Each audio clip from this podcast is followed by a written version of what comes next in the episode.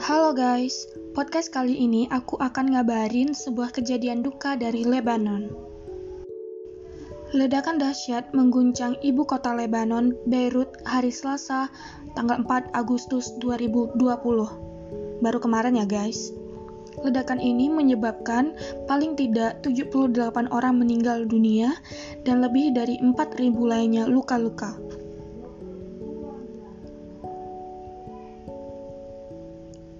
Getaran dari ledakan tersebut mencapai jarak 8 km dari titik kejadian.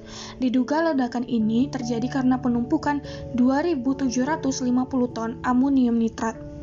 Amonium nitrat ini hanya disimpan di dalam gudang oleh pemerintah Beirut. Perdana Menteri Hasan Diab mengatakan dalam akun Twitter resmi miliknya bahwa keberadaan 2.750 ton amonium nitrat yang tersimpan di dalam gudang selama enam tahun itu tidak dapat diterima apalagi dengan tidak adanya langkah pengamanan sehingga membahayakan keselamatan warga.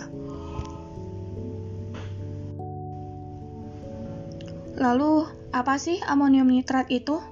Nah, amonium nitrat itu merupakan zat yang sangat mudah terbakar jika bersentuhan dengan api, dan ketika meledak, zat ini dapat melepaskan sejumlah gas beracun seperti nitrogen oksida dan gas amonia.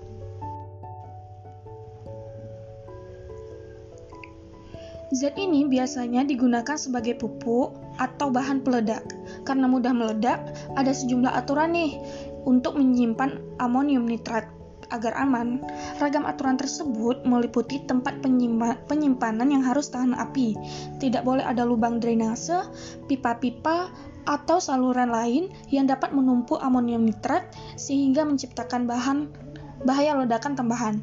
Nah, kalau kita lihat dari foto-foto yang sedang viral di media sosial, terlihat bahwa bangunan yang meledak itu terbuat dari uh, bangunan biasa. Ada kayu, ada semen, dan lain sebagainya seperti bangunan biasa. Ya, namanya juga gudang ya. Jadi, nggak layak lah dijadikan tempat penyimpanan amonium nitrat. Makanya setelah enam tahun, baru kali ini nih dia meledak. Hmm, lama juga ya guys.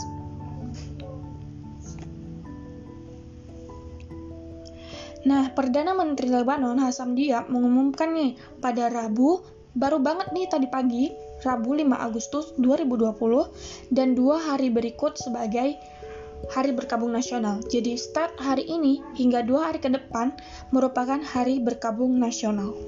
Para pejabat mengatakan korban luka-luka akan sangat tinggi jumlahnya. Pertemuan Dewan Pertahanan Nasional yang dipimpin oleh Presiden Michael Aoun merekomendasikan pemerintah menetapkan kondisi darurat selama dua minggu di ibu kota Beirut.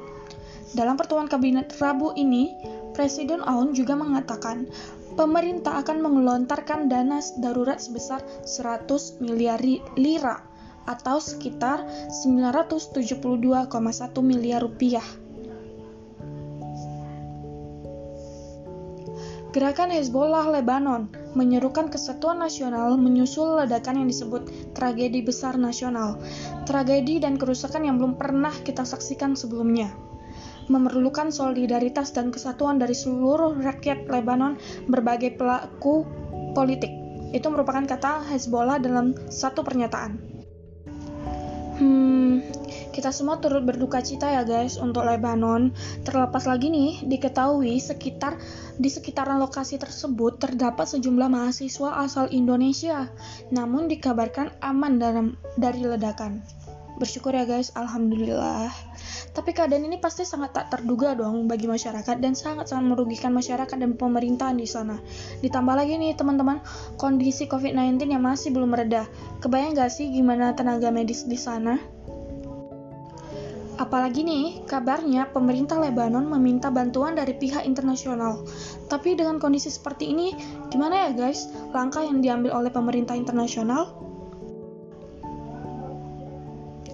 Oke teman-teman semua, setelah mendengar alur dari, dari ledakan di Beirut, aku mengajak teman-teman semua untuk mendengarkan podcast yang mendengarkan podcast ini untuk bersama-sama mengirimkan doa bagi keselamatan mereka yang ada di Lebanon dan untuk kita semua yang masih berjuang melawan COVID-19. Terima kasih sudah mendengarkan podcast ini. Semoga kalian bahagia. Bye bye.